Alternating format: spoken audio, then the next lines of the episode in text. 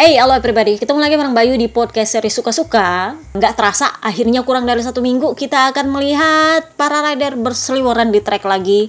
Kita akan nonton balapan lagi. Ya, meskipun tanpa Bebe Vale lumayan sepi sih ya sebenarnya.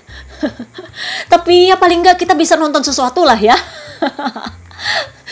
gue dukung siapa? Ya masih belum dukung siapa-siapa sih. Gue lebih ke yang nonton ya nonton, nggak nonton ya nggak apa-apa. Tapi karena mungkin ini seri pertama musim ini ya mungkin gue nonton kali ya. Kita lihat aja nanti. So gosip minggu ini tuh nggak terlalu banyak. Gosip yang pertama itu adalah soal Pedro Acosta. Kalau kalian ngintil gue di YouTube kalian pasti lihat postingan itu. Soal Pedro Acosta menjadi fenomena di tes Moto2 kemarin. Karena dia sebagai rookie ternyata berhasil pecah rekor pecah rekor di Portimao. Dan somehow itu membuat orang-orang berpikir oh ini Caron Jordan nih. Kenapa? Karena efek fenomenalnya dia itu lebih tinggi daripada hure-hurenya dia. Jadi memang beda touchnya dengan Jordan Rakor. Kalau Jordan Rakor dia pakai drama dulu supaya nanti somehow bagaimana itu akhirnya jadi hure-hure Oke, okay? sementara kalau Pedro Acosta ini memang dari Moto3 dia udah memang fenomenal. Dia masuk sebagai rookie dan dia berhasil Jordan. Sekarang statusnya adalah rookie di Moto2 dan who knows di wakal Jordan. Tetapi performa dia di tes di Portimao kemarin itu emang luar biasa. Dan masalahnya adalah gosip berhembus sepoi-sepoi Honda mulai pasang mata sama dia. Nah, Pirtini ini dia bakal direkrut kapan? Kalau mau direkrut tahun 2023 itu adalah kalau menurut gue ya adu cepat. Kenapa? Karena memang itu diperlukan kalau dia nggak mau ribut sama KTM. Kalau mereka mau nunggu 2 tahun lagi, itu kan kondisinya Oliveira udah mulai goyah nih sekarang. Jadi kalau memang mau telat 2 tahun, itu sudah pasti Petro Acosta bakal naik ke MotoGP di KTM. Jadi kalau mau ambil sekarang ya mesti ambil sekarang. Honda nggak boleh nggak boleh nawar-nawar lagi. Karena ini adalah saatnya KTM nggak bisa naikin ini anak. Jadi kalau dia mau masuk di Honda tahun 2023 maka yang menjadi kemungkinan untuk didebak adalah Paul Espargaro secara kontrak. Bener nggak? Karena kan Jordan Rakor itu kontraknya masih 2024 tetapi ternyata udah gue bilang Jordan Rakor itu sebagai rider yang utama di Honda selama ini itu dia punya selalu klausul di bawah meja sayangnya itu selalu kena prank. Misal kemarin waktu dia mau Dani Pedrosa tetap menjadi teammate dia dan dia perpanjang kontrak dengan klausul bahwa Dani Pedrosa akan diperpanjang. Giliran dia sudah diperpanjang kontrak, ternyata Honda mendepak Dani Pedrosa merekrut Jorge Lorenzo. Kemudian yang kedua adalah ketika adiknya didepak ke LCR. Kenapa? Karena begitu selesai dia pengumuman kontrak 4 tahun dengan Honda, tiba-tiba Honda mengumumkan merekrut Paul Espargaro bahkan sampai Paul Espargaro putus kontrak dari KTM. Jadi memang gosipnya Mark Marquez itu nggak mau diprank lagi untuk ketiga kalinya oleh Honda. Dia kasih ultimatum, kalau sampai Honda merekrut rider lain yang tidak atas persetujuan dia, dia akan putus kontrak. Jadi dia mengancam untuk nggak mau melanjutkan kontrak dia. Dan gue nggak tahu kalau soal urusan penalti ya, gimana nanti ceritanya, apakah dia akan membayar atau enggak karena kasusnya kayak kemarin si Stoner itu kalau dia putus kontrak dia nggak kena penalti karena itu kan tergantung siapa butuh siapa sebenarnya jadi gue nggak tahu apakah Mark Marcus ini akan dikenakan penalti kalau tiba-tiba dia putus kontrak atau enggak tetapi secara legal standing dia punya kontrak sampai 2024 Nah, kalau Honda memutuskan kontraknya dia, itu bakal kena penalti, itu sudah pasti. Tetapi kalau dia sendiri yang mundur, itu gue nggak tahu apakah dia bakal kena penalti atau enggak. Nah, gosipnya adalah sejak awal tahun kemarin ketika dia mendengar bahwa Mir akan masuk ke Honda, itu dia kan sudah ultimatum Honda untuk adiknya yang mending naik ke Honda pabrikan. Terserah nanti apakah dia yang mau didepak digantikan seatnya atau Paul Espargaro. Tapi dia maunya adiknya, bukan si Mir. Tetapi waktu itu kan dia nggak dianggap tuh sama Honda. Akhirnya dia muncul di konferensi pers virtual. Jadi semacam dia mau menegaskan bahwa gue masih punya legal standing di sini Honda. Don't try anything. Nah ini juga yang akan berlaku untuk kasusnya Pedro Acosta. Kalau sampai Honda merekrut Pedro Acosta, misal nih untuk menggantikan Paul Espargaro buruk-buruknya ya, itu tetap Mark Marquez nggak mau nggak bakal mau dia kenapa karena dia pengennya adiknya yang naik kalaupun misalnya ada satu seat kosong di Honda di sisi lain gosip berhembus sepoi-sepoi berkata bahwa Honda justru sedang mengurus perpanjangan kontraknya Paul Espargaro loh Paul Espargaro sih belum bilang apa-apa dia cuma bilang kami akan mengusahakan memberikan hasil sebelum pertengahan musim agar ada kepastian mengenai kontrak. Jadi memang gosip berhembus sepoi-sepoi di luar sana, Mir itu sudah dalam proses perpanjangan kontrak dengan Suzuki dan masuknya Supo itu akan menjadi faktor apa sih dalam tanda kutip penguat untuk mempertahankan Mir di Suzuki. Sementara Paul Espargaro, gosip berhembus sepoi-sepoi juga, dia sudah mulai proses negosiasi kontrak. Cuman kemarin katanya paling enggak dia dibutuhkan satu podium sebelum pertengahan musim. Kalau bisa menang ya syukur. Tapi dia dibutuhkan satu podium untuk bisa perpanjangan kontrak. Kenapa? Karena memang udah gue bilang dari kemarin, Honda itu akan lebih memilih mempertahankan Paul Espargaro daripada mempertahankan Mark Marquez dalam kondisi yang tidak pasti. Jadi memang Mark Marquez itu mengakui bahwa saya sepertinya tidak akan 100% untuk memulai musim ini dan sepertinya saya tidak akan pernah 100% lagi. Tetapi menurut saya tidak memerlukan 100% untuk bisa meraih Jordan. Itu menurut dia. Ya kalau gue ya kalau ban lu memang ori plus motor lu oke-oke aja ya ya lu belum 100% mungkin gak masalah. Tetapi kalau misalnya ban lu ori tetapi motor lu tetap menuntut fisik dan lu nggak bisa mengatasi itu ya percuma juga ujungnya malah nanti lu jatuh-jatuh juga. Bagaimanapun ceritanya, crash itu adalah sesuatu yang menurut gua meskipun Mark Marcus terlihat berani, dia bilang dia nggak takut crash lah apa segala macem. Menurut gua, crash itu akan menjadi satu titik lemah dia. Kenapa? Karena sekarang kelemahan dia itu bukan cuma satu. Kalau tahun lalu dia itu diwanti-wanti untuk nggak terlalu sering jatuh dengan bahu di sebelah kanan terbentur keras. Sekarang dia itu nggak boleh juga membenturkan kepalanya. Nah masalahnya adalah who knows what happened kalau dia jatuhnya nggak pernah beres dan selalu alasan cari limit dan motornya nggak cocok, ah, who knows, diplopianya itu bisa kembali kapan saja. Dan lengannya itu dia sendiri bilang nggak akan 100%. Jadi memang kalau misalnya Pedro Acosta misalnya nih mereka bilang e, Marcus kami mau ambil Pedro Acosta nih, itu memang tujuannya adalah untuk mendepak Marcus. Kenapa? Kalaupun mereka mau mendepak Paul Espargaro, Mark Marcus yang nggak mau. Karena klausul dia sama Honda adalah Alex Marquez yang dinaikin kalau ada seat kosong. Dan kalaupun Paul nggak diperpanjang itu butuh prestasi yang amat sangat buruk untuk nggak memperpanjang Paul Espargaro. Kalau menurut gue ya. Terlalu gambling kalau sampai Paul Espargaro dibuang. Jauh lebih gambling membuang Paul Espargaro daripada membuang Mark Marquez. Sorry itu saya itu sih kalau dari segi bisnisnya. Oke, okay?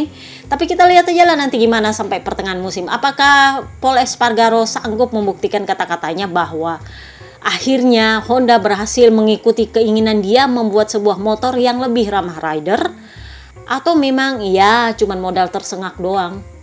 Nah, gosip berikutnya adalah Livio Supo akhirnya kembali ke pedok setelah 4 tahun absen dari ranah MotoGP.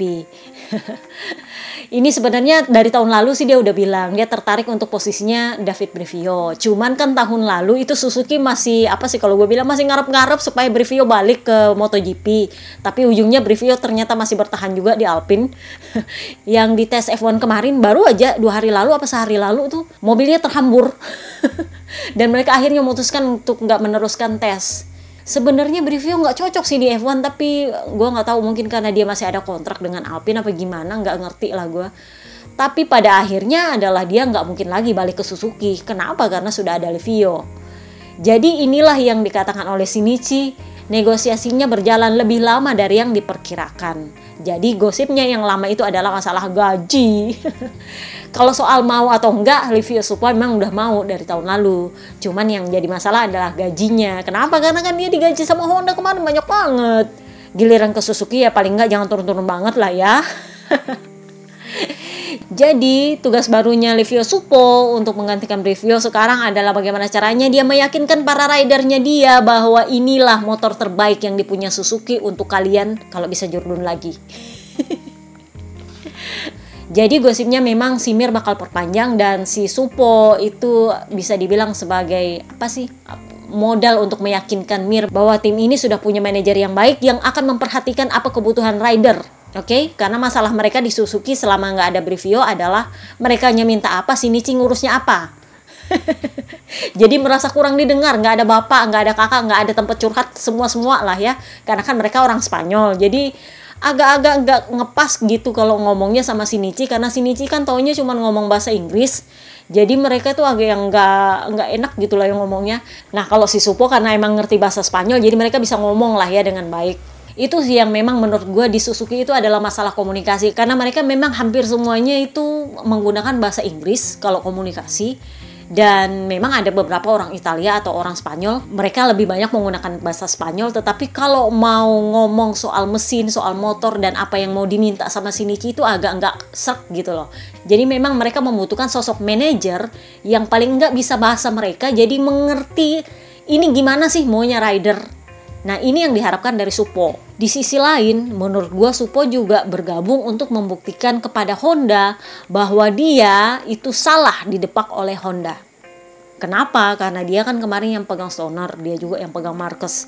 Jadi dia sebenarnya secara tidak langsung dikenal sebagai manajer tim Jurdun. Kalau menurut gue ya. karena kemarin di karena kemarin si Sonar di Ducati kan dia yang pegang, kemudian Marcus di Honda dia juga yang pegang kan. Nah, ini juga yang ingin dia buktikan di Suzuki bahwa dia juga bisa menjadi tim manajer Jurun di Suzuki. Kita lihat aja lah gimana nanti. Tapi memang hampir pasti bahwa Rin sama Mir itu bakal perpanjang. Dan Shinichi sendiri itu sepertinya lumayan yakin bahwa mereka berdua akan diperpanjang di Suzuki. Dan dia itu masih dengan pedenya bilang bahwa kami belum akan memikirkan perpanjangan kontrak rider itu paling enggak sampai tengah musim. Dan menurut dia ya akan normal seperti biasa per 2 tahun per 2 tahun mungkin yang akan dinegokan adalah soal gaji. Jadi kalau ada yang berubah soal term kontrak dari 2 tahun menjadi satu tahun itu berarti ada klausul tertentu. Tapi dia cukup pede bahwa para ridernya ini akan diperpanjang untuk 2 tahun. Jadi kita lihatlah gimana nanti tengah musim. Nah masalahnya adalah Quartararo dan Yamaha itu makin alot Kenapa? Karena Quartararo itu kabarnya memutuskan untuk menunda perpanjangan kontrak paling enggak sampai sepertiga musim.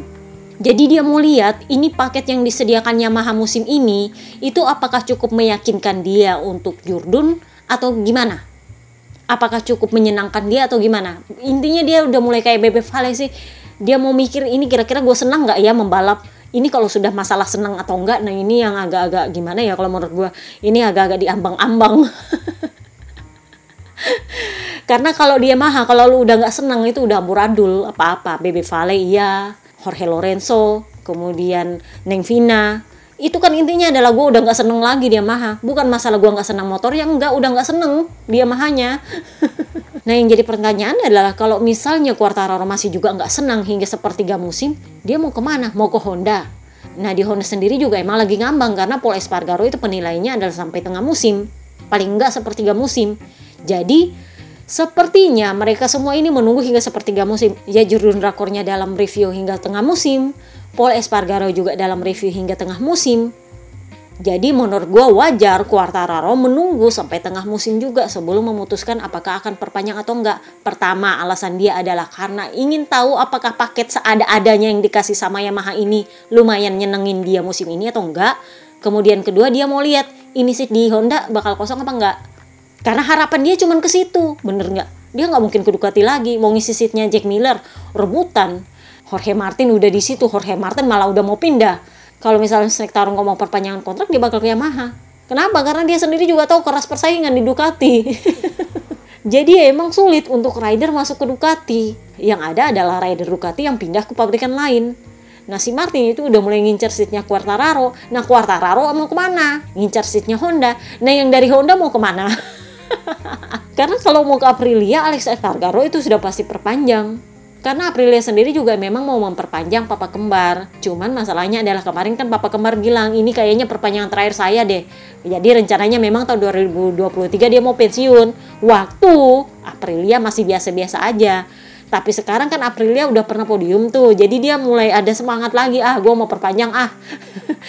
Aprilia ya iya kalau lo mau perpanjang oke. Okay. Kenapa? Karena dia masih rider utamanya Aprilia. Jadi Aprilia akan senang sekali kalau mau memperpanjang dia Nah satu-satunya yang bisa didepak di Aprilia itu cuma Neng Vina. Karena apa? Neng Vina itu kontraknya cuma satu tahun dengan opsi perpanjangan. Nah masalahnya adalah Nevina kalau nggak ada tempat pindah juga nggak bakal tinggalin Aprilia. Logikanya. Bener nggak?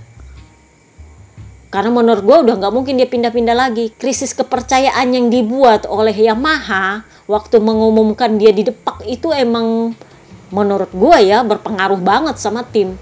Jadi kalau ada tim mau rekrut dia itu memang perlu performa yang luar biasa di Aprilia baru bisa tim lain tertarik rekrut dia. Kalau enggak dia akan bercokol di Aprilia terus. Kalau dia mau tetap berkarir sebagai pembalap. Jadi Paul Espargaro atau Mark Marquez kalau mau didepak ya mereka berdua mau ke mana itu juga gue bingung. Makin susah. Sementara rider-rider yang dari Moto2 bahkan dari USBK si Toprak itu udah mulai ngincer-ngincer mereka punya seat. Jadi kalau menurut gue lu nggak bisa banyak-banyak minta lagi. Nggak bisa terlalu banyak posisi tawar lagi ke tim. Kenapa? Karena tim kalau tim merasa emang udah nggak bisa ditahan ya mau nggak mau mereka harus rekrut orang baru. Jadi memang persaingannya seat MotoGP zaman now itu udah ketat banget. Bahkan untuk sekelasnya Mark Marquez pun dia harus ekstra performa untuk bisa mempertahankan seat dia yang notabene itu masih sampai 2024 itu masih susah loh. Jadi ya kurang lebihnya seperti itu. Dan akhirnya kita pindah ke Muni VR46. Jadi untuk pertama kalinya kita melihat Bebe Vale sebagai CEO sebuah tim di MotoGP. Jadi kemarin akhirnya terungkap alasan kenapa akhirnya Muni yang menjadi sponsor utama. Si Pablo Nieto itu bilang bahwa ternyata mereka itu memang sudah tanda tangan kontrak sama Tanal. Dan Tanal bahasanya adalah mau pakai Aramco. Tetapi ternyata kesepakatan dan kontrak yang udah tertanda tangan itu batal. Kan kemarin udah gue bilang mereka hanya tunggu tahun 2021 habis untuk mengatakan bahwa ini sudah one prestasi. Jadi memang timingnya menurut Nieto timingnya yang salah. Jadi mereka tanda tangan kontrak itu terlalu di awal musim kalau menurut gue ya. Terlalu di awal musim sementara itu memberikan waktu yang terlalu panjang untuk melunasi kontraknya. Jadi akhirnya sepanjang perjalanan melunasi uang kontrak ini terjadi segala macam konflik dengan Aramco lah, dengan Inggris lah, dengan segala macam lah pangeran-pangerannya bla bla bla bla.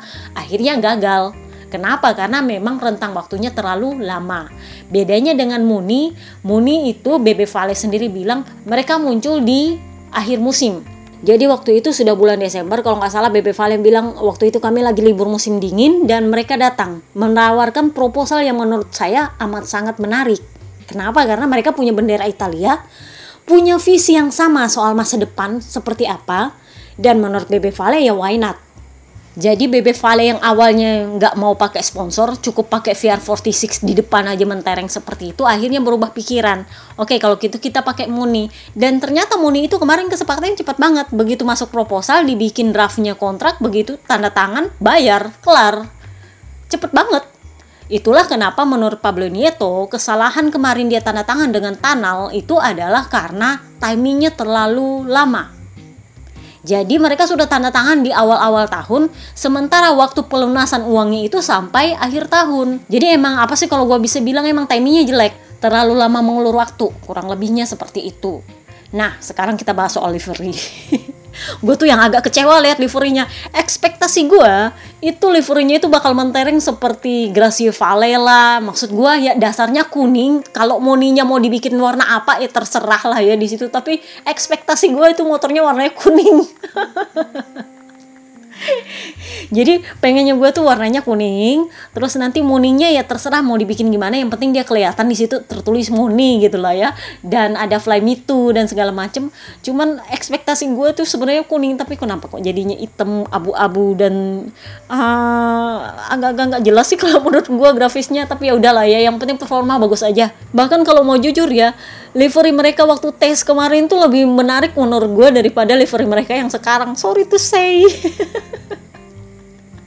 Iya loh lebih gue suka waktu kemarin itu. Karena memang itu hitam dan kuning.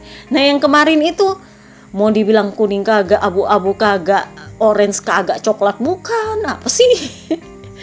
gue tuh yang mulai expect bahwa itu nggak terlalu bagus. Itu waktu VR46 itu posting si Luka lagi inspeksi persiapan untuk launching. Dia itu agak komplain soal warna kuningnya. Jadi dia bilang, saya pikir ini warnanya kuning kuning terang, kuning biasa gitu. Oh, gue bilang, oh ini kayaknya nggak bagus nih kuningnya nih. dan emang bener kalian lihat nggak tuh si wingletnya itu orange yang nggak jelas gitu nggak kelihatan banget. Mau gue tuh paling nggak kuningnya mentereng lah biar kelihatan gitu dari depan dari mana dari mana. Makanya gue bilang livery mereka waktu tes pramusim tuh lebih menarik malah daripada yang sekarang. Sorry to say. Nah yang terakhir kita bahas adalah soal sirkuit Dakor Mandalika. Jadi kabar terbarunya adalah mereka sedang mengerjakan uh, resurface. Kalau yang disyaratkan oleh Dorna itu adalah dari tikungan 17 sampai tikungan 5, akhir tikungan 5, itu yang mereka kerjakan untuk resurface kabarnya adalah dari tikungan 16 sampai tikungan 7. Uh, race-nya agak lebih besar daripada yang diharuskan Dorna. Nah, pengakuannya mereka ke ketua IMI itu adalah bahwa resurface itu bisa dilakukan dalam waktu satu minggu. Karena katanya itu cuma sedikit doang, katanya. Jadi mereka pede aja bahwa itu bisa dilakukan dalam seminggu. Nah, Carmelo Espeleta sendiri, ketua DPRD tingkat pusat, itu mendapat laporan dari Uncini bahwa tarmaknya Mandalika itu salah desain. Kalau salah desain itu bukan tracknya yang salah, enggak. Maksudnya layoutnya itu enggak salah, campurannya di dalam yang salah. Jadi, menurutnya Espeleta, jelas bahwa ada kesalahan desain pada aspal Mandalika di bagian-bagian tertentu. Jadi inilah yang membuat campurannya itu enggak terikat dengan baik dan begitu kena panas motor, kena beban motor, kena matahari yang sebegitu menyengatnya, akhirnya sompal-sompal lah itu. Kurang lebihnya begitu. Jadi menurutnya mereka memang harus dilakukan resurface untuk menjamin keamanan para rider dalam balapan nanti. Tetapi tetap juga gosipnya Espeleta masih khawatir bahwa sisa trek yang tidak di resurface ini bakal ambrol kalau Mandalika Race digelar. Jadi kan gini, di tes kemarin itu cuma 24 motor yang warawiri di sana selama tiga hari. Nah, tiga hari kalau Indonesian GP itu bukan cuma 24 motor, ada motornya Moto3 di situ, ada motornya Moto2 di situ. Jadi ya sekitar 70 80 motor lah ya yang di situ bolak-balik. Jadi kalau cuacanya nggak terlalu menyengat mungkin nggak terlalu cepat ambrol. Nah yang dikhawatirkan oleh Dorna adalah kondisi kalau misalnya satu panas menyengat kemudian aspalnya ambrol dengan kondisi motor ada 80-70 yang bolak-balik atau cuaca hujan dan lumpurnya masih ada di sana. Kenapa? Karena kalau berlumpur terus anak-anak Moto3 yang di situ itu weh What do you expect kalau sudah Moto3 yang di situ? Kenapa? Karena kita sendiri tahu kalau anak-anak Moto3 yang turun trek, kalian tahu kan anak-anak Moto3 itu yang kinyis-kinyis yang nggak mau ditegur sama sekali. Itu kalau mereka main di Mandalika dengan kondisi motor berlumpur amburadul lagi. Udah cukup Raul Fernandez yang amburadul di sana, serius. Tolong jangan tambah-tambah lagi. Jadi gosipnya off the record itu yang menjadi concernnya Espeleta. Kalau panas mudah-mudahan sisa treknya nggak ambrol. Kalau hujan mudah-mudahan lumpurnya nggak bikin celaka. Kenapa ini nggak dibilang sama Espeleta on the record? Karena pasti akan mengundang apa sih kalau gue bisa bilang mengundang kembali baser-baser yang berisik. Jadinya off the record. Pokoknya kita berharap mudah-mudahan semuanya berjalan dengan baik Semoga treknya bertahan sampai selesai race, pokoknya sampai selesai race MotoGP. Itu aja. Ntar kalau sisanya terserah lah mau apa terserah. Mau diperbaiki lagi, mau dibongkar lagi mana-mana lu lah. Pokoknya yang penting semuanya itu bertahan sampai selesai race. Lumpurnya nggak ada lagi. Tolong ya teman-teman, tolong kalau udah selesai di resurface bersihkan lagi ya. Tolong dibersihkan lagi. Kalau hari Kamis sebelum rider datang, tolong kalian bersihkan lagi, pastikan nggak ada lumpur kalau hujan deras lagi dan ada tanah lagi, saran gue seperti kemarin, bawa kain pel. Karena cuman kain pel yang bisa ngangkat lumpur. Karena truk kuning yang dengan sikap muter-muter itu nggak akan mengeluarkan tanah dari trek. Jadi memang kalian harus menyiapkan kain pel sebaik mungkin untuk angkat itu lumpur. Pokoknya asal hujan siapkan aja lah. Ya, terserah mau kalian rame-rame ke di situ banyak-banyak. Pokoknya intinya jangan sampai berlumpur kalau hujan itu aja.